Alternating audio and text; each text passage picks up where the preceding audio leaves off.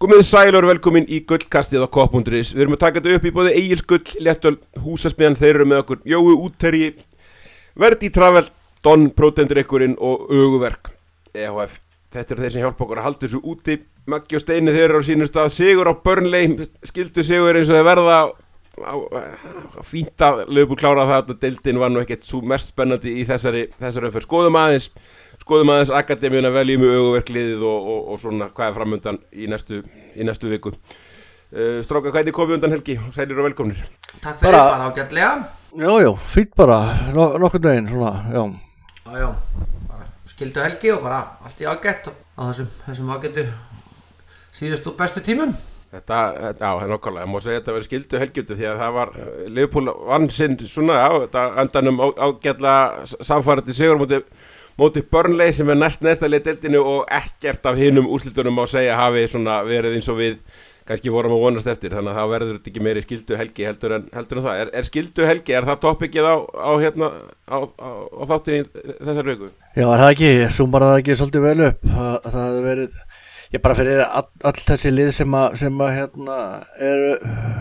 í og við þessa baráttu að það, það segir sér sjálft að þegar all liðin er að, að ná einn sigur um að, að ef eitthvað eitt droppar stigum að þá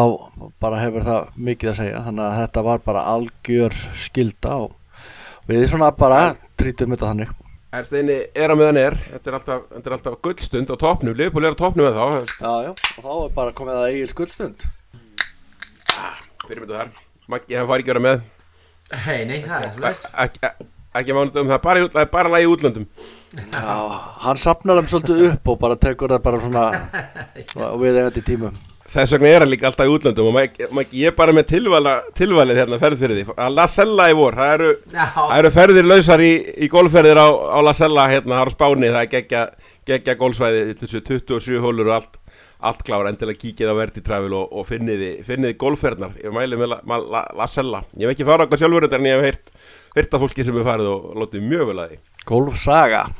Þar mættur að fá þér inn að Egil Gull, Maggi, ég lofa því. já, já, gott er það Það er alveg klart mál allavega að ég Ég, ég, ég er svona á sárar minningar um, um golfverðin sem ég hef ekki komist í þannig að hérna, ég held að þetta hljómið bara mjög vel Það hafa reynda tekist alveg frábærlega. Já, ég, það, það, það var sagt mér það svo krakkarnir segja að- ef að það hjálpar eitthvað uh, Maggi, byrjum aðeins á, á bara náttúrulega leiknum um helginna Liverpool Burnley þetta eh, þú veist, eins og, eins og við talum þetta, þessi úrslit sína ágætlega bara úrslit helgarnar í heild að það er ekkert svegunum fyrir mistök, ekki eins og takturinn er bæði í Liverpool sem er kannski svona ekkert alveg á, á öllum sílendrum og, og, og öfutu til dæmis City og Arsenal það sem að liðin virka alveg í fantaformi og, meðslaristun ansið, ansið þælur með okkar menn. Já, ég sammála því og það er bara þessi leikur var svo sem eh, ég held að þessi ekki ástæðlis að eða mörg, mörgum mínútum í þennan leik okkar. Mér fannst við bara löngu komið fram. Dabri byrjun ég, ég sá nú þann hluta ekki live heldur horfði á hann bara eftir á. Þannig ég var komið svona rétt um það leiti sem að bönlega jafnaði og sá svo setna á leikin en eh, svona leikir eins og klopp kannski bara sagði eftir leik að þú, veist, þú getur ekki alltaf verið með einhvern veginn allt turned on. Ég var pínusvektur af því ég er svo sem kallaði eftir því í, í þættinu síðast að mann myndi koma inn á fullri kesslu og ég hef doldið þar að svona, auðvitað hafa öðruglega þessi, þessi veikindi þarna um morgunin og, og þessi breytingar sem eru náttúrulega stanslöst og mikið á liðinu okkar ekki að hjálpa. En mér fannst svona einhvern veginn svona attitútið í byrjun ekki alveg verið og maður hefði viljað sjá það gera og verða. Þannig að hérna það var kannski mesta svekkið að maður skildi ekki bara keira fast á þetta. Eh, ekki það svo sem að heilt yfir þá var þetta náttúrulega bara já nokkuð öryggur sigur þannig og að þetta hef ekki aldrei orðið eitthvað eitthvað glæsileiki og sjálfur sér kannski ekkert að við fórum mikið upp úr þessum þriðegir og nú, í sjálfur sér má alveg segja það með að við það hversu marga vantaði og hversu veginn þetta var kjánulegt þarna að mann verða veikir og það verða að hræra mikið í liðinu trendar að út í hálfleik að þá bara er öll stíin mikilvæg. Og ég líka móti liði sem er alveg klárlega að fara, fara falla niður um deild það var engin, það var engin einhvern veginn fannst mér það var engin ára við börnlega þeir verða að fara endilega að taka stig á anfíld þó við varum ekki að spila vel. En að öðru leiti náttúrulega bara eins og ég held að við bara fínt að spóla yfir þessa helgi þetta var ekki góð helgi í boltanum að öðru leiti Nei, nei, þetta er, þetta er hérna samt, þetta var svona stopp-start leikust inni, var- myndi nú svolítið á leikin sem við fórum á móti, móti Brentford, tökum það kannski aðeins á, aðeins á eftir en, en hérna bæði þessi leikur móti Arsenal og Burnley, þess að hefur maður kannski aðeins ágjara Liverpool í, í samkefni við þessi tvö lið á í toppartunni að, að þú veist, aðdrandan þessu leikjum er búin að vera ansi, ansi erfið, það er búin að detta út ykkur þrýr, fjóri leikmenn fyrir kvott leik núna og, og, og, sko augljóst líka að hópurinn var var bara tæpur líka þessum byrju til dæmis trend tekin út af við háluleik og við veitum ekkert hvort að hann sé frá eitthvað, eitthvað næstu vikur aftur sko. Já, já, ég meina við erum að svekja okkur á því bara uh, hvernig liðið byrjaði leikinn og mér skilst nú að þeir, það hafi verið lokað æmingasvæði þarna fyrir, fyrir leik þannig að það var ekki hægt að æfa þá út af veikindum sem voru að gera varpið sig. Maður er ekki frétt að því hva, hversu fleiri voru tæpir á veikindum. Ég meina við erum við erum hérna að starta trend sem að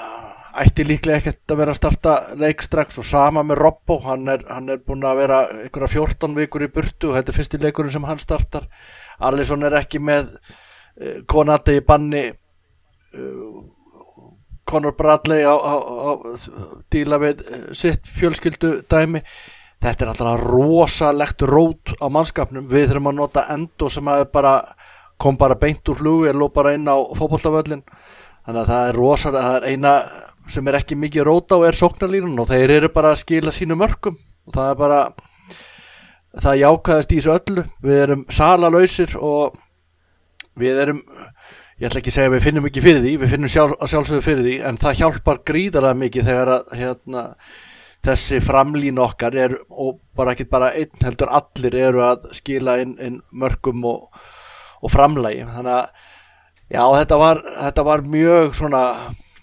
seint af stað og það sem er, maður er eiginlega bara svektastu með í þessum leik er, hérna þegar menn uh, slökka á sér í þessu marki sem við fáum á okkur það, það fannst mér alveg skelvilegt að það bara maður lengst út í tegn á að, að skalla boltan svona nánast óáreittur og það fannst mér það dabrast í þessu en bara heilt yfir var þetta bara professional framistæða samt. Uh,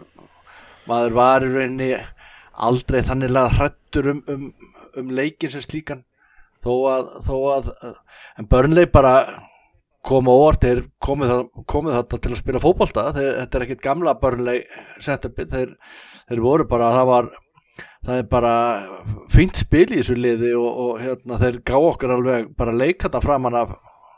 framan af leiknum. Og, og mér- mér finnst þér steini líka alveg með nýja leikmenni á láni sem að gætu alveg svona, þú veist, gert þetta að einhverju spennu í, í restina, þetta lið, ég held að þetta lið síndi allavega fyrra að þeir eru aðeins betri heldur en þeir hafa verið á, á þessu tíðanbili, ég myndi, ég myndi fara út á þessu leik frá þeir, þeirra sjónarhóli með kannski smá vonum að þetta lið sé ekki alveg vindlaust, sko. Alveg klárt mál og ég meina þú ert að tala um uh, börnlegi sem eru í, í, í fallsæti búið að ganga bara mjög illa hjá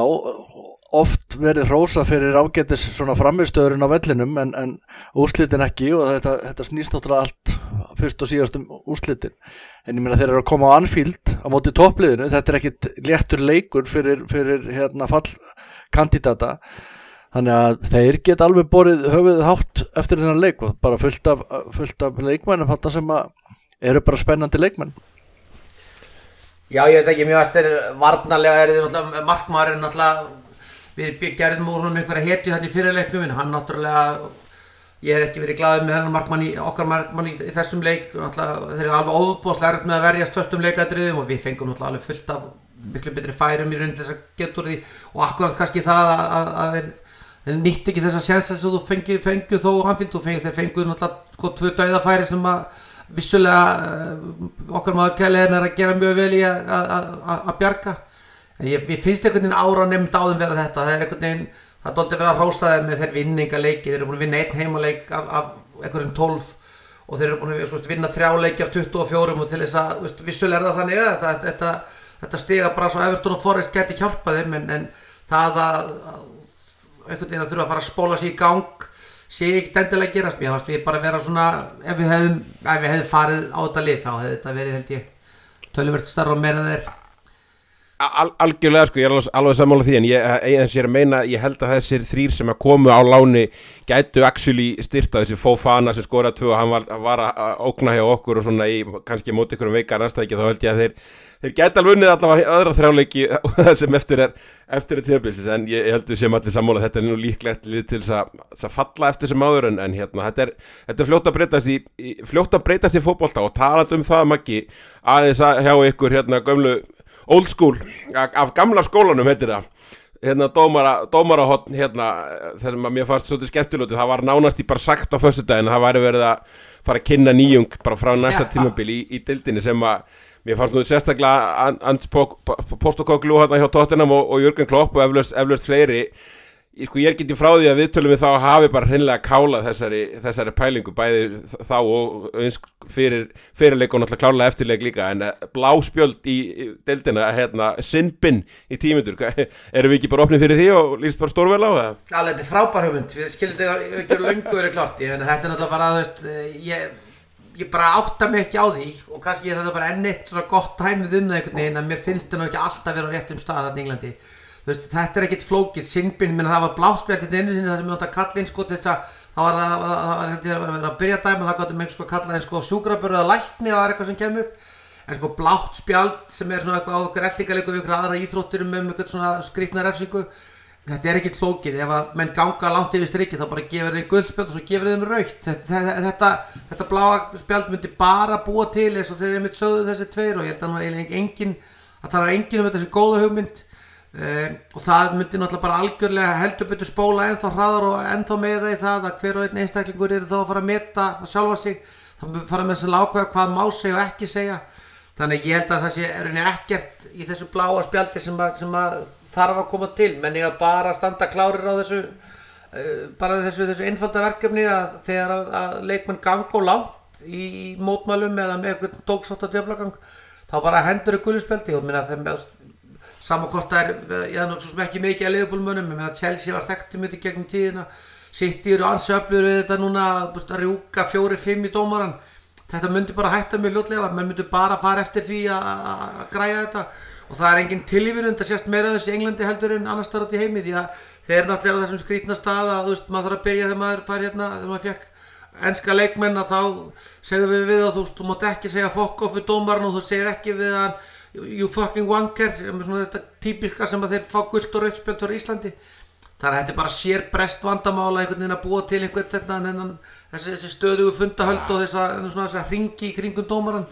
veist Og tala ekki um, tala ekki um, ekki um þessa 40 sekundna markspinnur og svona, gefið gullt fyrir þetta einu sinni ef hann læri ekki að þið og þá raukt, þá gerur hann það potið ekki í næsta legg sko. Bara talandu um það einmitt um helgina, börlega voru alltaf, hann er 29 sekundur held ég fyrsta, fyrsta gett sem var með bóltan markmaður. Þannig að þetta, þetta, þetta spjald á veginn, þetta er svo oft verða á að vera svona eitthvað svona, ég veit ekki hvort það var eitthvað svona minni, hvað sé, minni svona afgerandi leiðin, veist, ég myndir ykkur hvað að væri mikið blá spjöldu það sem menn var að henda upp í einhverjum minnimóta, kendi einhverjum pyrringi að, að, hvernig rótir það á leiknum? Það fyrir út af tímyndur ekki bara annar en tímyndur við nefnum ekki að hafa þetta í handbóltanu þar sem við fara þá að spilinu okkur að soliði sluti það þetta bara ápar alls ekki við og ég bara ja, þetta er svo postkoglu sagði. Ég þurfti að lesa sko þrjára fjóra grein bara að fatta að þetta væri ekki djó ég held að þetta væri bara djó og það bara þegar ég sá með fyrsta þræðinum okkar og svo bara þetta er í alvörinu tala verið að hugsa um þetta þarna sko. Unsporting behavior dissent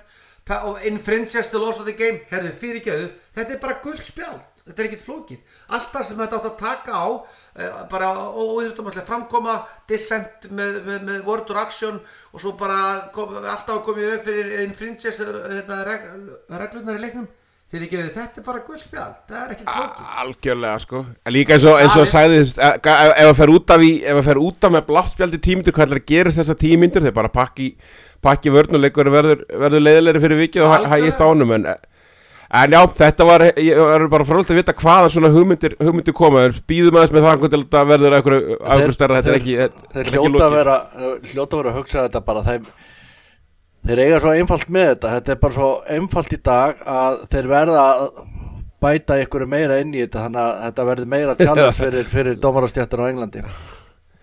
Já, þeir, þeir eru svo algjörlega, algjörlega með þetta, þessi litli vinahópur af, af hérna, einstaklingum sem er dæmur á Englandi, einsliti hópur en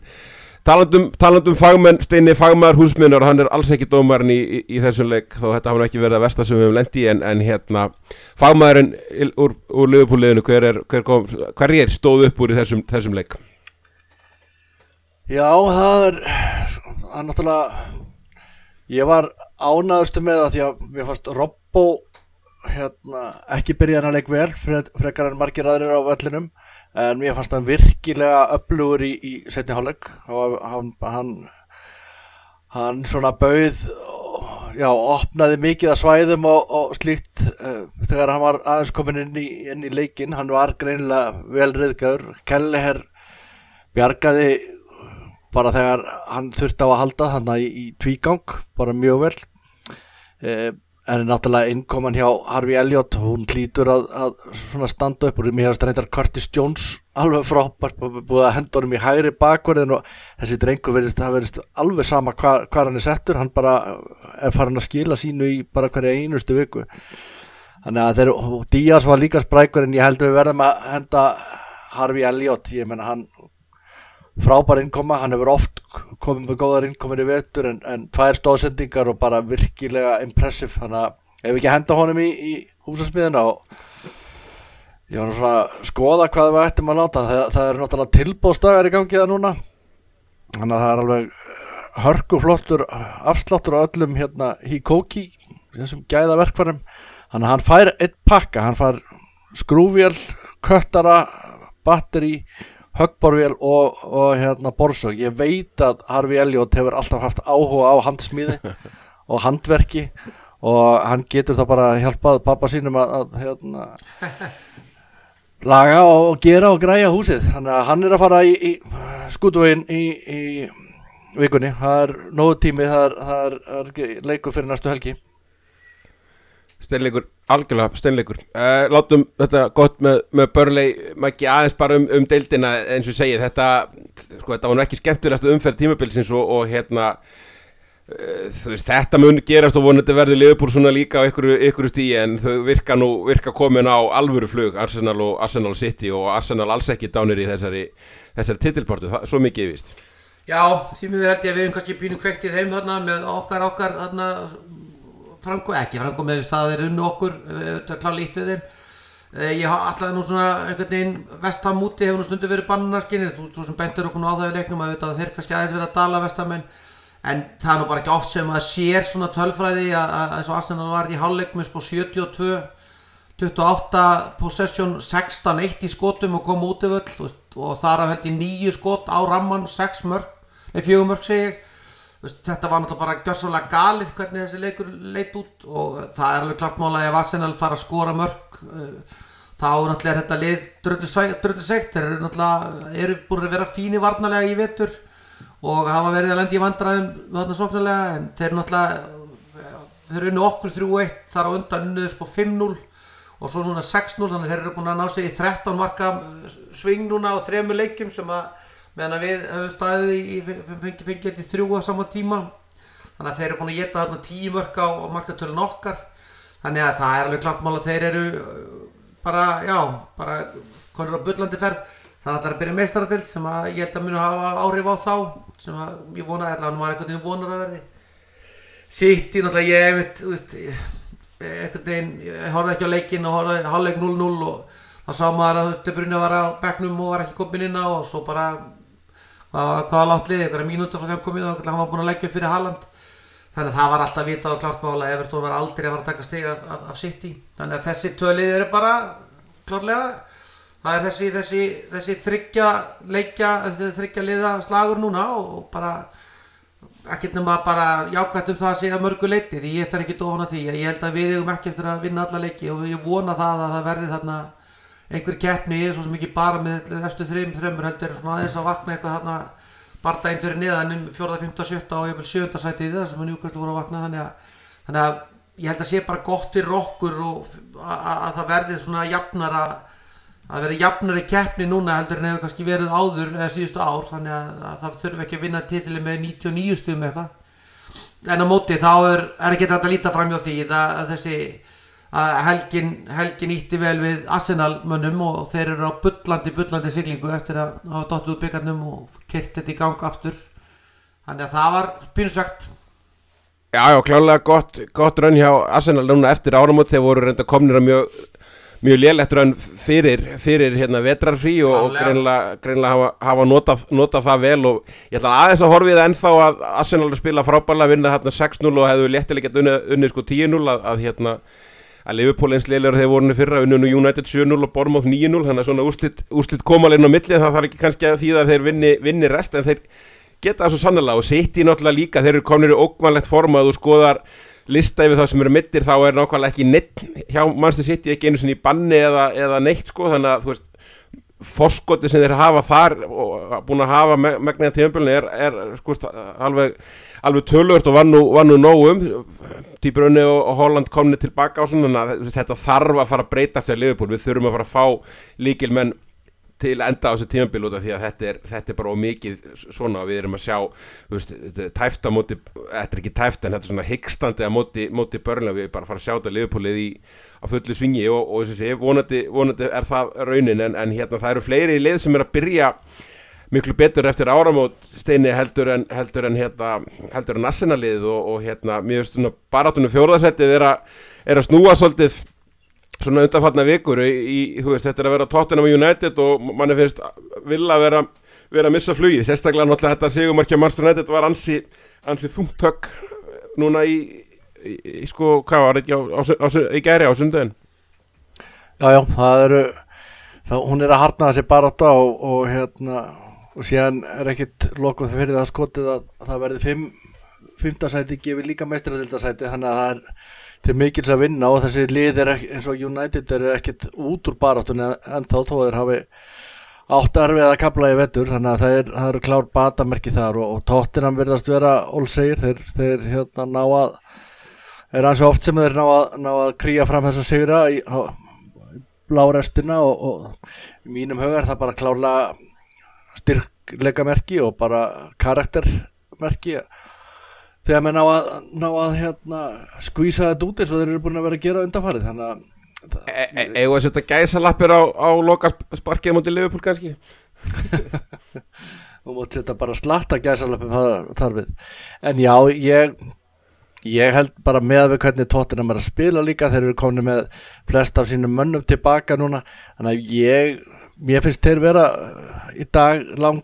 líklegasti til að taka þetta fjórðarsætti og, og, og, og ef eitthvað annað lið ef eitthvað lið er að fara að nálgast hinn þrjú og þá er það helst tóttina með mínum huga á, á, á þessari stundu. Aston Villa er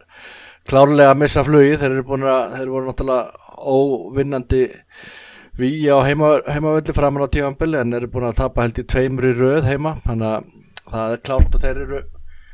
þeir eru að missa, missa flugið og það svolítið hratt þannig að þeir þurfa að ná að snúa þessu við ef þeir ætla ekki að fara að missa mannsturinn aðtindu fyrir sig. Steini, ég held að Aston Villa sé núna, það að Kamara er held ég búin að crossbandi fara í honum, ég held að þessi Konsa jafnvel líka sem er náttúrulega rosalega högg fyrir þá tveir líkjelmann og ég held að það sé nú með sko þrjú og fjögur þá sem er að slíta crossband er ekki bara komið tímið til hjá þeim að fara að endur skoða eitthvað skópúnaðin eða gera eitthvað, gera eitthvað öðru sér þar sko Já, ég held að það sé klart ég held að þeir ættu bara drífa sig í óvotri á, bara á netið og panta frá þeim. Það er hrikalega hérna góð tilbúð þar. Og þeir getur meira segja að vestla sér svona júra 24 hérna, Európa-boltan í leiðinni þannig að ég, kannski eru boltanir eitthvað slæmir líka þarna á sveðinu þannig að það er alveg Það- eru 30% afsluttur á nægskónum þannig Mercurial, Vapor og, og Pantom. Þannig að þeir bara henda sér þetta þeir spara í leiðinni. Þetta er e- engin, engin spurning verður, já, já, verður, þetta er að stefni ágættis eins og mér sem sem bjóst alltaf við og var að vonandi að þessi lið rífi eitthvað stig af, af Arsenal og City e- ekki, ekki bara okkur nógurum á, á þessu tímabili nú, nú þegar en, en hérna en, en, en maður ef við horfum aðeins í, í næstu helgi þá er, þú veist, við, við hefum Brentford í hátegisleik ennina ferðina á, á út, útivelli sem er náttúrulega bara, þú veist, þetta er náttúrulega orðið Þetta er eitt gott samsæri sko. Arsenal er að fara að rústa Burnley á, á, á, í sínuleik það er sem nokkuð, nokkuð ljóst og Manchester City fær, fær Chelsea þetta er það náttúrulega algjört ó, ólíkinda tól. Tottenham Wolves og, og svo fær Luton, Manchester United til Luton. Ég, veist, ég, maður sér alveg fyrir sér aðra helgi þar sem þessi, þessi lið vinna öll og, og hérna og hvað segir maður, svona aðeins ónóta tilfinning var þetta liðbúl, við hefum ekki ennþá unnið, unnið á, á móti Brentford. Já, já, það er bara, þe- þetta er bara, það er svolítið skondið í þessu öllu en bara, við ætlum bara, við ætlum bara að trúa, við bara pössum okkur að því að þú veist, maður fór eitthvað fluga í þessum Chelsea leik og fannst liðið bara frábærum stað, þú veist, það mun alltaf skipta rosalega mjög máli, ég, var óskaplega glaður að það var ekki leikur í þessari viku, því að það verðist vera ásalega svona eitthvað margt óljóst um það hvað, hvaða menn verða heilir og hvernig þetta verður allt klart hjá okkur, því að það, þetta, við, við þurfum að fara að fá pínu stöðuleika, ég held að það muni að lokum hitt okkur en við þurfum alltaf að vera að rótera liðin okkar eins og við erum að, við erum að búin að þurfa að vera að gera hérna síðustu viku eða síðustu leikjum, við, við þurfum bara að komast í það að halda svona kjarnanum í þessu lið okkar núna heilu það sem er bara eftir að mótinu og þessi tíu nöfn sem við erum enda á þessum, þessum stað að við séum, séum einhvern veginn ekki alveg viss hvað verður veist, það nýjast er það að, að, að við vitum ekki einu sinni hvort að allt í hennu var ekki víst með Ali sem okkur sagt að vera í lasin nú erum við ennþá á því að, að hann sé mögulega ennþá á einhverjum, einhverjum sko, ekki farin að æfa og e- ekki alveg viss hvernig það allt fer vonandi er Sala koma tilbaka en annars er ekkert margir aðrir held ég konur inn að þessum hóp sem var, var í burt um helgina. Þannig að Konati kemur náttúrulega banninu. Þannig að við bara verðum að vona það að við, við náum að Alisson verður hún heill og að Sala fara að tikka hérna inn. Það er bara þannig. Þetta, þetta brendorlið er algjört ólíkindatól, það er bara þannig, þeir hafa verið alveg ógæðslega lélegir inn á milli í vetur og svo hafa þeir farið og spilað vel, þeir hafa einhvern veginn, jafnvel verið seigara útivelli, við vorum náttúrulega á, á vellinum og það er bara í persónu þar sem unnum 3-0 í leik þar sem þeir voru alveg segir, þannig að það er alveg þannig að háttegisleikur í London, við reyndar ekki einhverju mér í viku, þannig að menn hljóta ekki undirbúið svo ekki undir það, þetta er bara, eins og þú sagðir, völlur sem við höfum ekki ennþá unnið á þannig að við getum ekki látið eins og það sé eitthvað bara hérna, einfalt verkefni sem við erum að detta inn í. Og ég er alveg sammálar því að leikja prógrami núna hjá þessum liðum veist, það er því við töluðum síðast við þurfum að fá tólsti út úr, út, úr, út úr þessum leikjum okkar þannig að City spilar á Anfield, það er alveg þannig að Arsenal uh, og City eru líka í leikjum sem þeir eiga bara að vinna. Þannig að þetta, þessi það, það, það má bara ekkert mistiga sig bara áframhald kannski að sömurraðinni og í síðustu viku. Og bara klart mál, ég meina, Tó- Tóni hefur komið verulega ferskur Ivan Tóni, hann hefur alltaf verið okkur erfiður og hann hefur komið verulega ferskur úr þessu leikbanni sínu.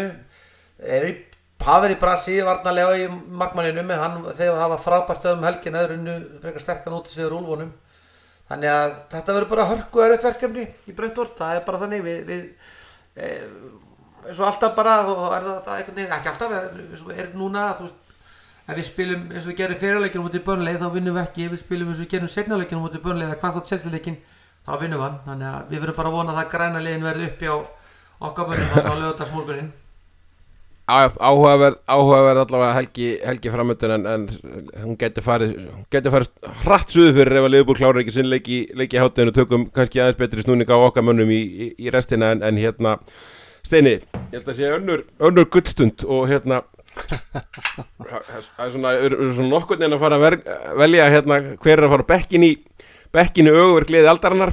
skipað mestu gerpum deildarinnar út af því að það er vinstri bakkur og næstu held að það sé nú bara búið að loka vinstri bakvarstöðun en hver er að fara í liði með Pickford og, og Gary Neville og hver er svona að koma helst í greina? Það kemur bara einn helsti greina það er bara, þetta Já. er, þetta er eiginlega bara einfaldasta val sem ég hef nokkuð tíma tekið þátt í það er að finna gerpi í vinstri bakverði sem að hefur spilað á þessari, þessari öld. Klárlega fyrirliðin, fyrirliðin og bara já, hann, á já, ég meina maður þurfti að svona bara kreista það fram í sér að reyna að finna ykkur fleiri nöfn heldur en bara hann að því að hann er svo hann er í fyrstu tíu sætunum. Og maður var að reyna að draga fram Graham Lasso og hérna ykkur svona gaura en það, það er bara ekki hægt. Það er bara Patrís Evra á þessa stöðu bara aðleitn og óstuttur og það er enginn sem kemst nálat hann sko. Honorable mention á, á Cole nei. og Nigel Winterburn og, og, og svo, ekki kannski ekki honorable. Mention. Það er bara, já. Ég held að þetta, þetta var, þetta var bara eina af ástæði fyrir því við vorum tilbúin að velja þetta og búa þetta lið til var akkurat til þess að geta sko sementað hans stað í okkar hugum. Þessi ágætti, ágætti maður hann er ekki, ekki ég get ekki ímyndum að sé í nefni góðri bók á einu einasta liðbúlaða þetta það kæði mér óvart. Ég sett Ég sett inn að svega fyrir steina svona ef þau hefðu valið þetta bara að skipa liðbúleikmunum þá held ég að hann var í norskur. Já. Hann var aldrei mjög hátt á vinsaldalistanum mínum, hann er íseflesaður en, en, en hann, hann á ekki breyki svona lista þegar að þessi maður er annars vegar. Ég hef líka ágætlega gaman að því að, að hérna, ég, ég held að hjá ansi mörgum stuðnismönnum annara liða heldur en Liverpool að Andy Robertson væri mjög ofalega á, á lista hjá, hjá Já, þeim. yfir, það er þetta yfir, sem er bara jákvætt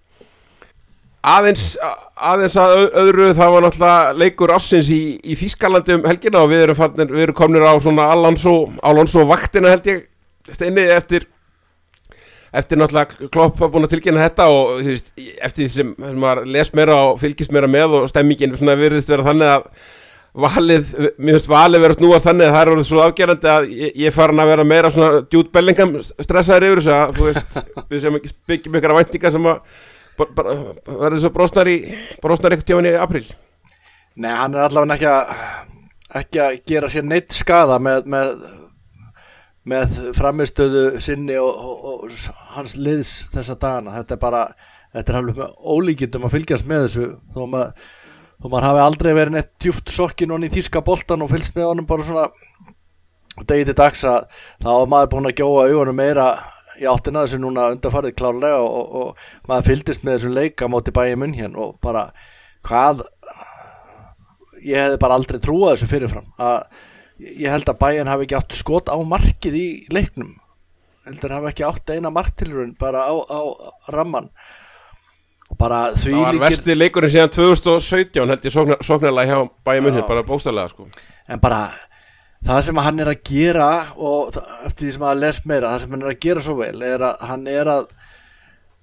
það sem að Klopp hefur verið hrósað aftur og aftur fyrir. Hann er ekkert að kaupa leikmenn inn í liðið úr, úr efstu hill hann er að kaupa leikmenn inn í liðið og hann er að gera það bara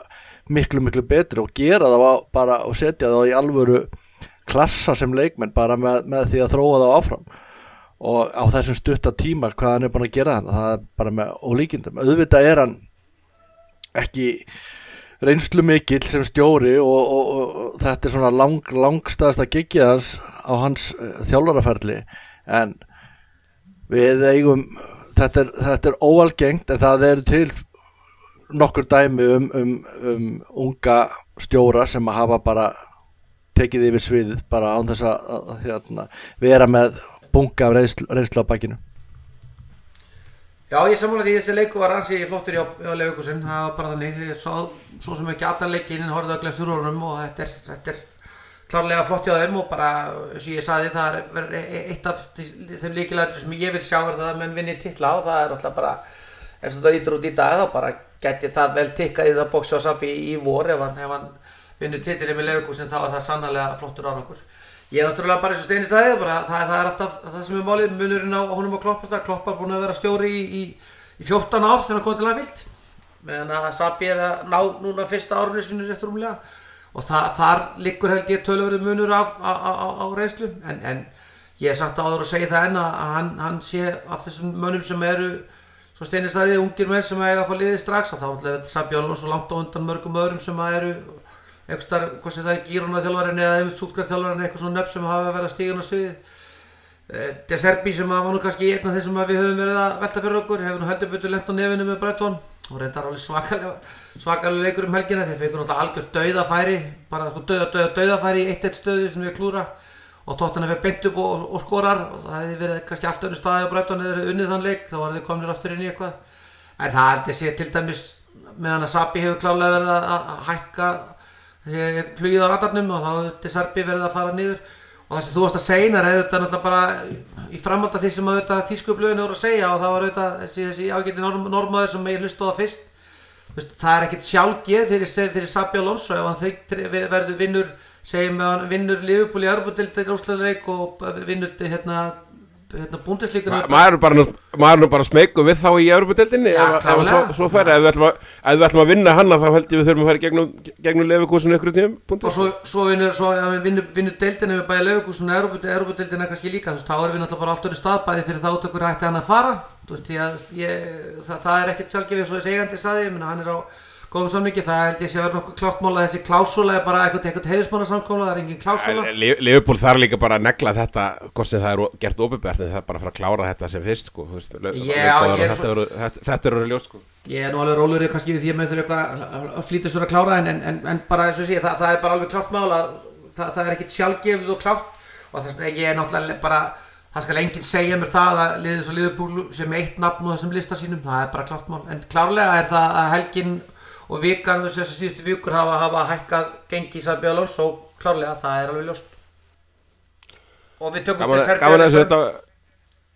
Já, ég held að hann sé, það er ansið mikið brekka hjá þeim núna, ég held að sé ykkur 20 stíði síðustu átján umförum sem er, er ekki er ekki samfærandi en, en það er náttúrulega vissulega einhverjar ástæði fyrir því að Breitón það er ekki, er ekki alveg kannski stóru dómur um hann og aðra þjálfara sem missa alltaf sinn bestu menn eh, Klopp lendi líki á Dortmund tímambilaðurinn tók við, við Liverpool þannig að það er, er, margar, margar breytur í þessu en, en hérna Al- Alonso er ansi, ansi mikið búin að stimpla sinn sem favorit og þessi leikur á móti bæja munið var ansi, ansi spennandi og það er ekkert mál að, að svona máta flesta leikmenn Liverpool í, í þennan Alonso bolta en, en hérna eh, sjáum til hvað verður og, og kannski í framhaldi af því steini þá er líka alveg gaman að skoða akademinu hjá Liverpool eins og við erum verið að sjá hann að þróast núna þessu og, og, og, síðasta tímabili og náttúrulega undan, undanfærin ára en þú veist það er orðið, það er orðið hægt að fylla upp í bara góðan 18-19 manna hóp skipa leikmönnum miðum bara við árið 2001 það er Curtis Jones eða Sidna sem að sem að eru bara búin að koma við sögu í annarkvort í aðliðin eða svona nálat bekknum og, og hérna nokkri sem eru eru pjakkar sem eru svona alveg við eigum nokkar pjakkar 16, 16 til 18 ára sem eru svona alveg á pari við þessar strákar sem hafa verið að koma upp hjá okkur veist, við, ég segja, Bobby Clark og eitthvað svona sem við erum að og Ben Doak sem við erum að tala um fyrir, fyrir árið tveimur sem er mikið efni sem eru bara inn og, og sína þeir svona, þú veist, hvort þeim verður hjá eða ekki, e- eiga alveg eiga alveg innstæði fyrir atvinnumanna ferli Sö- tökum í létt bara power ranking á, á þessar stráka úr akademíun og, og svona á þessum, þessum aldurshópi, hvernig, hvernig eru til dæmis svona, hvað, fyrstu, hver eru fyrstu 5-6 á, á blað, þessi svona sem eru komnir inn í aðlið og, og, og, og hvernig ræðar þeim? Það er náttúrulega ljóst hverjir það eru rauninni sem eru búin að setja eitthvað mark sitt á, á aðalegið að einhverju viti. Það er náttúrulega Harfi Eljót og Gravenberg sem er náttúrulega nýlega keftur, Curtis Jones, Conor Bradley og Basi Dix og, eða, í rauninni sex, Kwanza líka. Þannig að þetta eru þessi sex sem eru búin að vera að fá alvöru svona tækifæri þarna Ég er bara, ég er ekki við sem ég hefði raðað þessu svona fyrir tímabilið en, en það er alveg klárt í mínum huga að Curtis Jones er komin efst í power ranking listan af þessum leikmannum. Ég finnst bara, það er með ólíkindum að sjá hérna þróurinn á þeim leikmanni bú, bú, sem er búin að vera síðustu 2-3 árin og það er alveg sama, hann, hann, hann blómstrar maður mótsins þegar að England verður 21 mestar í sumar og þá er hann djúpur miðjumar, hann er oftast að spila áttu hjá okkur. Hann er, hann er kemur upp sem, sem kantmaður. Uh, hann slottaði inn í, hægri bakverðin í, í hérna, sem er vinstri kantmaður áður, hann slottaði inn í hægri bakverðin núna í, í þessum leik. Hann er bara hann er ógeðislega bara góður fótbolta heili held ég. Og hann er með mikla hlaupagetu og, og bara ég myndi alltaf setja hann er svona Þetta er svona Gini, Gini Van Aldum sem að sá kannski ekkit sérstaklega fyrir og ekki, heldur, ekki frekar en hjá Van Aldum á sín tíma sko. Nei, það má eiginlega segja það. Hann, hann sé svona, ef maður ætti að segja hann sem uh, ja, líkist ykkurum svona sem að, sem að mann þekkja svona í uh, sí- síðustu árin að þá myndi ég segja, já, hann er ekkit ósvipaður Gini Van Aldum. Ég, ég, ég myndi treysta Curtis Jones bara í flesta stöður á vellinum nema ég hef aldrei séð hann í marki og ég vonandi þarf ég aldrei að sjá hann í marki og ég veit ekki hvort hann uh, sé með líka spurðina í miðvörðin en, en a- aðrar stöður verðist hann geta bara lest vel af hendi. Þannig að hann væri klárlega efstur í power ranking listanum hjá mér sko. Já, ég klárlega með við þessa núverandi getu þá held ég að það sé alveg þannig. Og að, hérna, að þeim sem eru þetta stanum ég aftur um að ég held að það sé að upp leikmenn sem að verði betri svona hvað að segja leikmenn heldur en, heldur en Curtis verð getur orðið en, en það er auðvitað bara ef og hefði hann er sá þeirra sem er búin að meika það og er klárlega búin að, búin að eiga flottan vetur og leikmaður sem að, sem að e, verður vantarlega á þeim staðnum að geta verið partur af aðaliði liðbúl áfram. Ég aftur á móti mér finnst ég sjá það mikið bæði í, í Bradley og Kwanza að við séum að horfa þar á leikmenn sem að séu komir ótrúlega að því við kannski spólum hratt yfir hennar leikum helgina. Það fannst mér náttúrulega Kwanza aftur uh, gera hlutina ótrúlega vel og hann er náttúrulega komin með alltaf það er alltaf sending að geta fyrst mér. Hann hefur bætt því verulega þegar liðuðu vetturinn hefur bætt því inn í það að vera mjög öflugur sem sagt varnarlega. Þá hefur sending að geta hann að sér fín. Hann hann er að stíga það skref sem að vinnur okkar Williams og Phillips nú aldrei að gera. Alltaf drullu óöppin að skora ekki í, upp úr hotni þannig að hann er ógnandi í fyrstum leikadröðum þannig að ég held að sáleikmaður verði ógeðslega spennandi og mér finnst náttúrulega Bradley svo, þessi tveir þarna Bradley og Kvensa ógeðslega spennandi menn Elliot það er svo erfitt fyrir hann að kalla ángan frábær innkoman hans um helgina og er alveg ógeðslega góð fókbóltanbar og margan hátt. Þannig að það, það er náttúrulega bara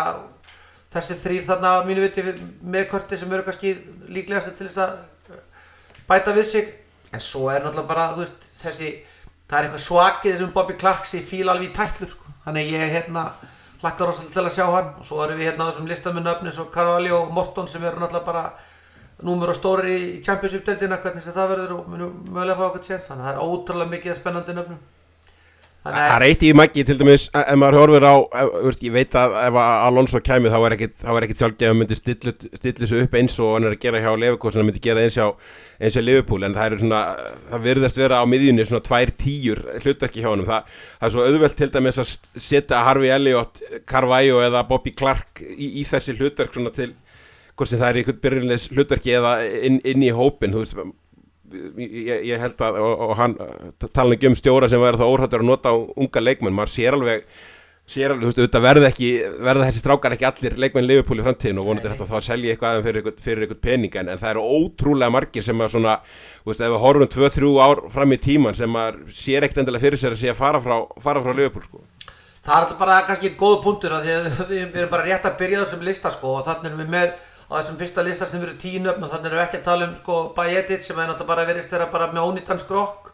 og Sepp Vandenberg sem er vantilega bara seldur sem búin að hafa bara mjög flott tímabil í Þískalandi og ekkert út. En ekki með Bajetic var, var, var ekki að segja nákvæmlega saman Curtis Jones þegar hann var 20 ára sko? Jú, kannski, ég, það er alltaf, þú veist, manni finnst sko þegar við erum komið Gaur sem er 20 ára gammal og hann náði að spila hvað nýju leiki fyrra og þá fór skrokkurinn á honum og svo er sömarinn fór allt í steik Ég ætla- ég og ég allir að leiðrétta- sko. Já, ég ætla aðeins að leiðra þetta reynda með hann að, með, þá alla, þú veist, þetta er miðið við árið, hann er 2004 mótil og verður 20 ára á árinu, skilur. Já, Þetta er gamli, gamli, gamli 20 bratan, hann er, þú veist, 29, 8 ára til að vera 29. já, nákvæmlega, en sko, þú veist, það sem að, ég bara, hæfileikar einhver stráku komið góður og það mjög, bara mjög flott ingoma, en þú veist, ég er svolítið, þú veist, hann er jakkafall af Katie Gordon og hann er núna búinn að missa jafn mikið af uh, tíma og Katie Gordon, hann er ég, þú veist, þegar hann kemur tilbaka og hann er að fara að keppa einmitt við þessi nöfn sem að við erum að tala um, hann er að keppa við Jones, hann er að keppa við Elliot og Gravenberg, skiljiði, þú veist, þá er ég bara ekki viss um það að hann náði, ég menn, það væri flott að gera það, ég meina, þessi, þetta, þetta, þetta, þegar maður er þetta ungur og, og þetta er það mikið að þetta, meira þetta en Gerrard sem þurfti þetta bara, dett út og inn einhvern veginn, þannig er hann bara algjörlega frá og það verðist bara að vera, þú veist, ef hann er með, mjög sérkennlegt, hann verðist að stækka mjög seint og, veist, það er eitthvað svona rosa mikið, þannig ég hef alveg ágjörð því að það sé leikmaður sem við munum kannski ekki sjá mjög mikið af í liðbúldreginni bara fyrir meðsli, bara á, á sama hátt og Katie Gordon. Og ég hef ágjörðið saman með Ben Doak því að það var, voru líka löng, löng meðsli í fyrra.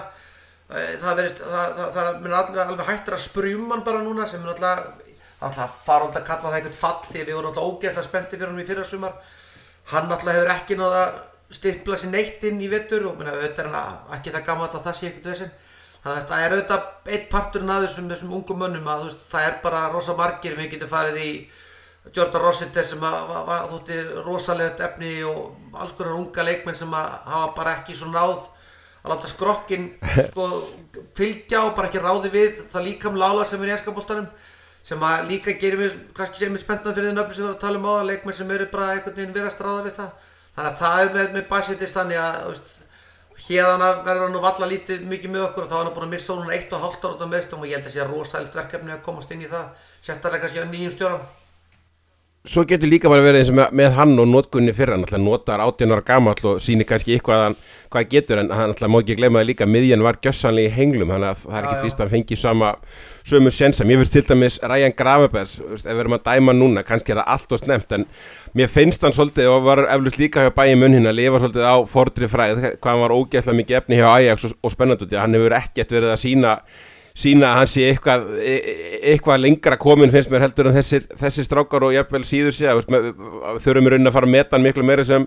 21 árs leikma sem er bara óstöðugar ennþá, Curtis Jones var það líka og, og, og, og eiginlega, eiginlega allir á þessum, þessum aldri veist, ég, er ekkit ég er myndi ekki tippa á það að hann er í leikma leifbúl eftir 2-3 ára eins og hann er að koma inn í þetta, inn í þetta núna ég, ég, ég, mjög spennandi að sjá hvað verður um Fabio Carvalho og náttúrulega Bobby Clark það er,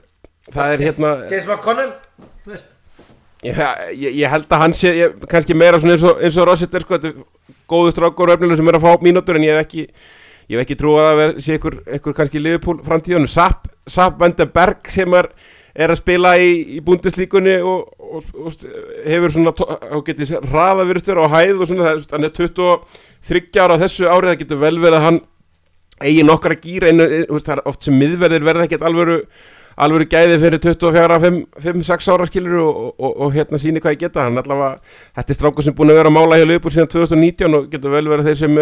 hann í huga sem í eitthvað, hlutverk. Það líka, þetta er svo fljótt að breytast í þessu. Bobby Clark, það er alveg augljóst að klopp er að fíla hann og, og, hefur mikla trú á hann og hann er, hann er yngri en allir þarna sem við erum að taka, taka í þessum, þessum svona efsta, efsta klassa. Calvin Ramsey sem var keiftur í fyrra frá Aberdeen, hann var hann var rauninni herra skrifaðir í fyrra heldur en Conor Bradley sko, þeir eru, þeir eru jæggamlir, það er alveg fullkomlega fullkomlega snúist við og rauninni svo mikið að Calvin Ramsey er komin á sama stað og Bradley var á, á síðastíðinbili sem er bara líka spennandi. Katie Gordon og Ben Doger bara er, er, er sama dæmi sko, Katie Gordon var ekkert, mikið, var ekkert minna efni heldur en, heldur en Ben Dog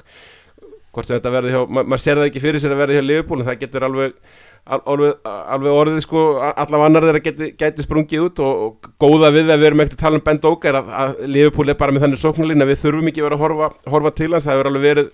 tímar í Liverpool þar sem við, við höfum verið að spáði okkur þessi 19 ára og gáta meðslínu okkur 19 ára 19 ára pjakk, veist, hann byrjaði þetta tímabil þannig að hann kom inn á fyrir Sala bara snemma í, í fyrsta leik sem að Liverpool gerði jættibli sko, þannig að hann var eitthvað eitthvað ef við förum aðeins í aldurshópin, neðar þá er uh, veist, sérstaklega maður tekur eitthvað svona út úr úturinni af það sem að vera á bekknum og svona þetta eru, þetta eru meira minna sóknar, sóknarlínunum, hver aðeim til dæmis myndur þú segja að væri svona líklegast til að vera the sure thing í að verða ja, þú veist, hvað ég að segja, Liverpool eða allavega svona premjölík aðdunumöður Já, það er þeir virðast koma meira svona bara allt í henn upp úr þörru hérna varnar gaurarnir bara eins og Kvansa og, og, og Conor Bradley allt í hennu bara poppa poppa þeir inn bara sem, fullbúni leikmenn öllum að óverum en það er svona lengri aðdraðandi þegar það kemur að, að sóknarmennunum en það eru þeir búin að vera að skora mörg og, og svo leiðis ég viðurkenni það fúslega ég er ekki búin að fylgjast mikið með, með hérna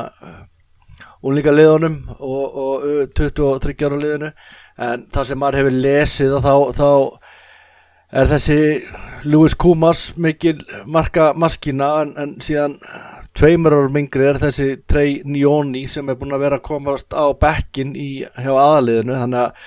þegar þú fattur 2007 og ert komin á bekkin hjá aðaliði Liverpool og þá þá er eitthvað spunnið í þig. Þannig að ég treysti mér ekki til að það er þessi nöfn Jóni Kumas Dans og síðan þessi Trent Cohn Doherty þetta eru þeir sem að svona mest hefur verið talað um Maggi, eftir Ég, ég, ég hérna Eftir, eftir, eftir, eftir þetta, þetta getur en þú verður, hangar á þessu eftir tvö ár. Eftir tvö ár, hverjir hérna hverjir verða búin að hver verður búin að spila mest? Ben Doak, Katie Gordon, James McConnell Trey Nionis, Callum Scanlon Kumas, Dans og Doherty? Uh, Sko Þetta er tvö ár. Sko, Já ég veit eða ekki, sko, Já, nei, já, tvö nei, sko. Ég er alveg sannfærður það og ég er búin að vera að horfa núna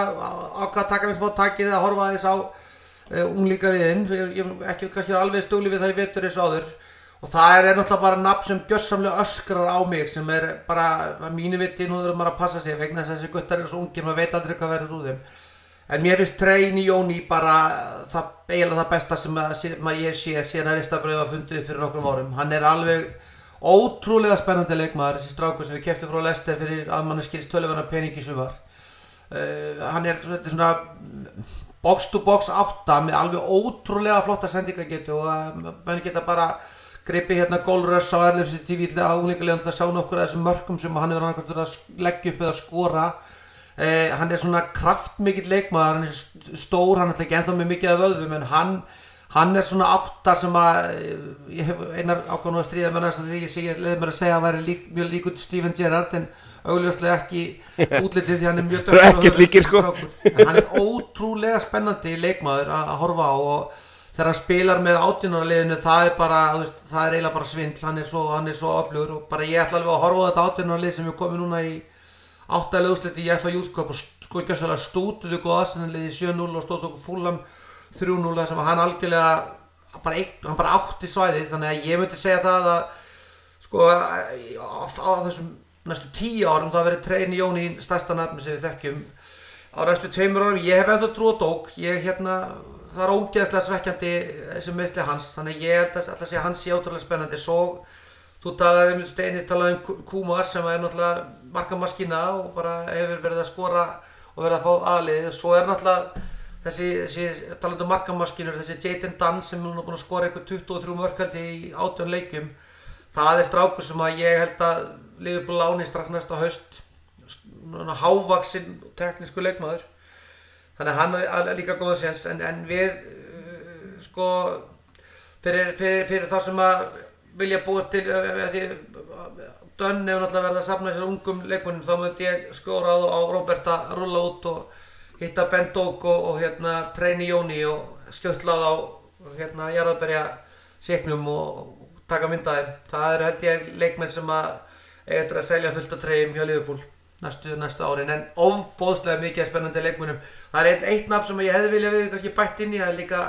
einmitt og stegið var að tala um varnamennina strákur sem, að, sem að hefur verið að stíga einmitt inn og, og skoraði einmitt marknuna nýlega. Hann heitir velli til lökki þannig að það sé klárt skora, menn- sko, að skoða það. 18 ára Hafsend sem hefur verið að spila hægri bakur líka í undir 18 ára liðinu sem hefur verið að stíga mjög vel upp. Velli til lökki það er, er nafn sem við skulum bæt, bæta á listan okkar hérna núna. Dönn á þá alla, þá, þá eiga þær eftir að vaksa og dafna hratt og vel. Já, klárlega. Það er strómandi sem að segja, það er, það er einhver spurningu það hvort að, hvort að, hvort að hérna, einn parturinn af þessu öllu er auðvitað þannig að, að, og við komum að sinna að það mun ekki allir geta spilað að það er alveg klart mála að, að einn parturinn af því góða sem við erum að horfa á það væri nú gaman að skrifa grein um það hérna því að ég er náttúrulega búin að vera dröslast svolítið í það að horfa á hérna næri deildarnir og var einmitt að horfa þetta því hérna á þættinum í gerðmorgun eða ég vaknaði. Að það er nefnilega ótrúlega mikið af leifbúleikmunum sem að er að spila í næri deildunum og þeir voru með að ræða um það núna í, einhverju núna í mann ekki á hvaða þáttum þetta var, maður alltaf að horfa á einhverja spjallætti hvort það var að Sky eða TNT eða hvað það var hversu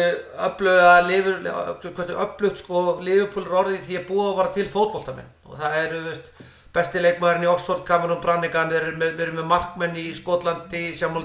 Busanis. Það er, Liverpool hefur verið að búa til óbáslega mikið af fótboltamennum og vorum myndið að tala um það að, að Akademiðan hjá Liverpool og City er, er, er, er, að, framleiða fótboltamenn og ég las sem eitt flott viðtal við Alex Ingulþorp fyrir nokkrum mánuðum þar sem maður var að tala um þessar áherslu breytingar sem menn ákvaði menn bara keira á sko alla leikmenn og þú veist þeir muni örfáði meikaði að Liverpool en þeir verða margir sem meikaði á þessum 19 nafna lista sem þú ert að tína upp einar sem þú settir í okkur þá er ég sannfærður það að allir þessir 19 leikmenn muni spila í, í, á, á, á, í góðum gæðum. Og það auðvitað til dæmis hjálpaði okkur að ná í treyni Jóni þegar öll stórulegin voru eldast við hann þá valdi hann Liverpool vegna þess að Akademíun hafði góðan stimpil og þjálfarinn spilar ungum mönnum. Og það skipti bara ótrúlega miklu máli því að ég held að öll, öll toppliðin Englandi voru að reyna að fá Þetta er au- auðvelt fyrir Robert að senda, fá svona 10 ára samning á nýjóni og hérna hann verið andlit Don í á Breitlandsegum, ég held að það sé bara eina vitið. Steini Brentford á á hvað, á hátinn og lögadaginn já, hérna byrjum bara á, á Liverpool-liðinu, hvaða leikmenn eru við mögulega endurenda, þú veist það fóru þrýr, fjórir út fyrir síðasta leik, eru þeir ekki er ekki flest allir að, að svona koma tilbaka og eins og segi, við erum alltaf hver vika mikilvæg bara upp á komamönnum í, í leikform þess sem hafa verið frá. Þetta nú eiginlega bara starri spurning bara hverjir munu detta út fyrir leikin af því að það er alveg ljóst að, að það kom ykkur inn og það er alltaf jafn margir sem fara út á móti þannig að þetta er að vera gjörsamlega óþólandi ástand. En maður vonast náttúrulega til þess að Alisson og Gómez verður búin að jafna sig á þessum veikindum og vonandi er þetta ekkit annað en bara veikindi hjá Alisson. Konati er náttúrulega búin úr banni og, og Sala, ég held að hann ætti hann aðeins að slaka á Instagram að byrta myndir af sér að, æfa, hann er búin að vera að æfa núna stanslust í ykkur 16 vikur og maður heldur alltaf að hann sé bara að handa með hodnið vonandi er hann að færast nær. Mikið óbáslega gætu við þegið það að, að eiga svona eitt Sala vopn upp í erminni. Það bara, það mun ekki, ekki veiki okkur mikið. Uh, Tsimikas var kominn í síðasta leik, Robbo er kominn það er það fór tvennum sögum af, af Soposlæ uh, ykkur er töldu að þetta væri bara eitthvað smottir í og hann er þið bara til núna eftir börnuleikin en, en ykkur er fjölmiðlar í Ungverðarlandi töluðum ykkur er þrjár til fjóra vikur hann að við þurfum bara býða og sjá með hann. Og síðan er lítur Conor Bradley að fara að snúa aftur. Hann er, hann er hérna þetta var náttúrulega hörmungar dæmi hjá honum kallt greiðin en, en ég held að hljóta að vera búin að fá að jafna sig og, vilji náttúrulega bara halda áfram. Nú er, nú er trendur frá þannig að þá veit hann alveg að hann er að fara að fá 90 mínútur í, í, í hverjum leika meðan þannig er staðan. Þannig að vonandi bara er þetta aðeins að, að, að glæðast. Það er bara krossa fingur og vona það besta en bara miður eins og ég sagði hann þá bara þá er þetta oft svona bara spurning bara tippleikur, bara hvaða þrýr þetta þú út í staðin eh, Maggi, þetta var við erum alltaf vorum á þessum leik á, á Anfield og, og hérna var hann kannski ekki besti leikur leikur tímapilsins en fór 3-0 og Leopold það er ekkert mjög oft sem það er gert á, jafnveg sjálfnar sem það hefur virkað vel þeir stiltu fjórum sóknarmennum og voru með það eiginlega allan, leikin Gagbo var hann að kallar að miðjun eða í hólun eða hvernig þau tólkaði og Sala náttúrulega klára leikin setti, setti tvö mörg og, og maður leiksins þar og Díko Sota með hitt hitt markið en, en hérna e, þú veist þetta er náttúrulega við verðum líka að fara að fá Sala inn, inn í þetta hjá okkur og vonandi að, að lámarkja á á bekkin en, en hérna það er kannski miðjan sem er stóra, stóra spurningin, er, er það ekki bara sama miðja á, í síðasta leik? Jó, sko, mér, mér fannst að því að við kynum það, mér hérna mér fannst sko þetta bara ganga ágætlega, það var einhver umræðað um það enda og Makkalis get ekki spila saman, mér fannst þetta bara, bara fínt, minna Makkalis er náttúrulega búin að vera frábær hérna aftast á miðju en ég held að þetta sé klárlega besta miðjan sem við getum haft með, með þegar að Soboslægi er í burtu Þannig ég myndi bara styðja það, við sæjum hérna Endo, McAllister og Curtis Jones taka þessa miðju. Ég held að það sé bara okkar besta miðju í dag uh, til þess að byrja. Engum Elliot var frábær en hann hefur alltaf átt erfitt til að byrja að leiki. Það er bara, veist, það er svo leiðilegt að leikmenn sumir eru bara þarna. Við getum talað um Ferglaf í gamla dag í okkur. Solskjær sem var United og Elliot Þetta er þetta leikum ekki, þetta er leikum sem við söknum svo bóðslæði bara upp á hæða Algjörlega sannlega þar þannig ég held að við, við sjáum þetta bara. Ég virkilega vona það að, að Bradley verið komið tilbaka, ég held að þetta Bras og Trent sé komið til að vera. Ég ágjör að því, þú veist ef hann er að finna í vinstra hnénu eitthvað og ekki komfortabúl þar þú veist það er ekki góðu staðar að vera á sig fókbóltamæður að vera með eitthvað tæft hné, ég held að Liverpool sé ekki að fara spila honum í þessum leik núna um helgina þannig að það er bara, bara allri veringu og þetta bara beð maður miklu meir en litla veringu fyrir því þegar maður vissir fóröldir sitt að gefa með sér tími það en það væri frábært að fá bralli inn í þetta aftur hjá, hjá okkur. Eh, mér fannst Robbo bara tilbúinn þannig að ég held að við séum að horfa á, á, á, á við séum að fá konandi vandæk Robbo þarna. Og svo vorandi fyrir Sala á bekkin og þá, þá er það sennilega þessi þryggjamanna framlýna sem að, sem að byrjaði um helgina og þeir stimpluðu sér allir inn með marki þannig að það er engin ástæðilega hvort undan því. Þannig að ég held að við séum alveg ágæðlega standi svo fremið sem að, þú veist, svo steinist það svo fremið sem að það detti ekki átjón manns út á, í vikunni eða á fyrstu sköldir þá er það alveg þannig. Ágættu svegurum hérna milli, milli leikja en steinni, þú veist, þetta var skildu svegurum mútið börnlega og þetta er, er við aðeins aðeins meikar við útileika mútið Brentford hvað þá er hátteginu, Ívan Tóne komin aftur en þeir þetta missa líka MBN og vissa eru ekki, er ekki með hjá þeim en þú veist, þeir, frá því að við möttum þeim í, í november, miðjan november þá hérna hafa þeir ekki, þeir unnuður Lúton þeir unnu Nottingham Forest uh, rétt mörðu, mörðu þá og svo tóku þeir í síðasta leik Wolves úti sem er svona besti, en líklega besti leikurinn hjá þeim síðan að þeir mættu, mættu okkur en annars hafa þeir bara tapað þessum þessum leikjum og, og gert eitthvað eitt jættefli þú veist, þeir eru að- að- að- ekki, ekki sagt að hægt að segja þeir verið á miklu flugi og þetta jættefli sem þeir gerðu það var í byggar, byggarleik til þess, að, til þess að það færi tvo leiki sko. Já, já, er ekki vissa er ekki, hvenær er úrslitaleikurinn í, í er hann búinn? Hann úrslitaleikurinn í Afkon? Já, Já, hann, hann, er, hann er vissulega búinn og alltaf hann hljóti þá, já, hann lítur að vera að koma tilbaka, hann var bara skráður á hérna meðstalistanum en það er bara eftir að uppfara það, Já. hann er væntalega með, já. Hann er vantarlega með hann að það er bara en búið einu sem vantar en Ívan Tóni náttúrulega breytir miklu fyrir þetta lið en, en alveg klárt mál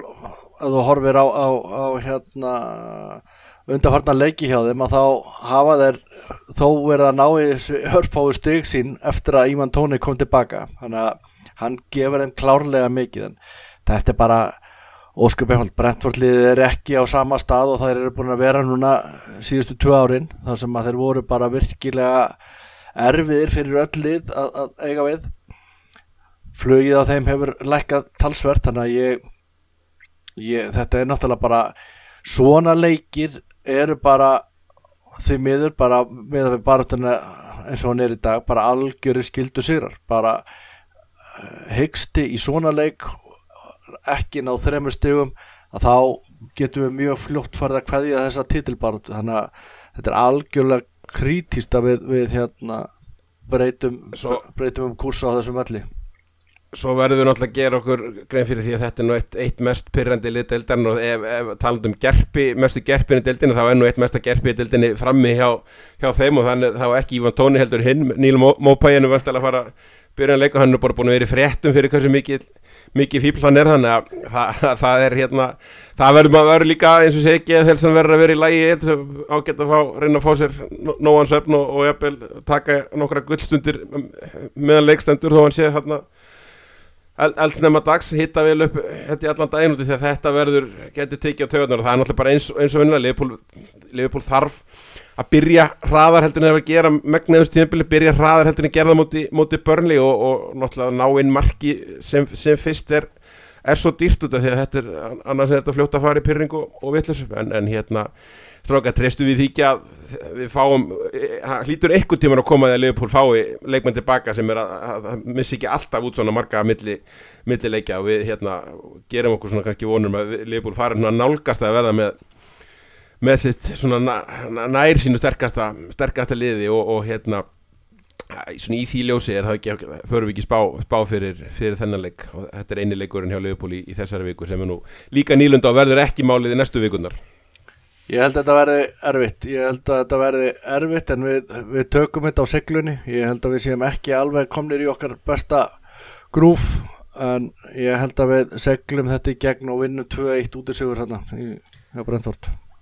þetta verður svona slagur hvort ekkur undan. Nú, nú, nú stað steini hérna mínum tölum. Ég stað Já, hans reyndar, síðast. mér, reyndar, reyndar frá mér líka sko. Já, já, ég, e, já, ég, ég, ég held við séum þetta En ég held aftur á móti að þetta, fyrst að steinin tók 2-1 Þetta verður, verður markaleikur þannig ég ætla bara að segja 3-2 Ég held að þetta verði, verði þannig að minna, Þeir eru öflugir skyndisóknarlega og við erum alltaf pínu í brasi með góð skyndisóknarlið En á móti eru þeir að mínu viti með slagasta markmann í deildin þá er ég búin að jinxa það. Og hérna og, og svo er, svo er vörn varnarleikur þeirra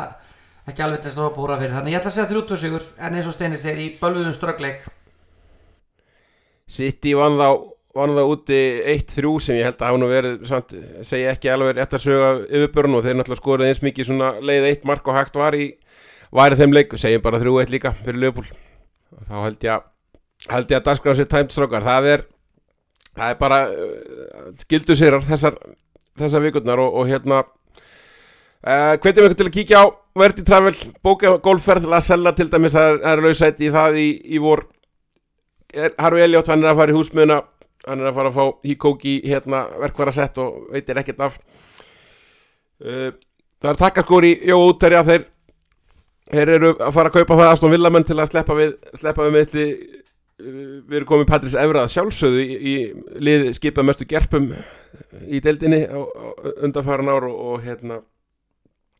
Og ég held að Tre- Treyni Jóni, hann verði andlit Don næstu, næstu árin Ég held að þetta sé ágættu bili við, við skálum í Egil Gull fyrir þessum,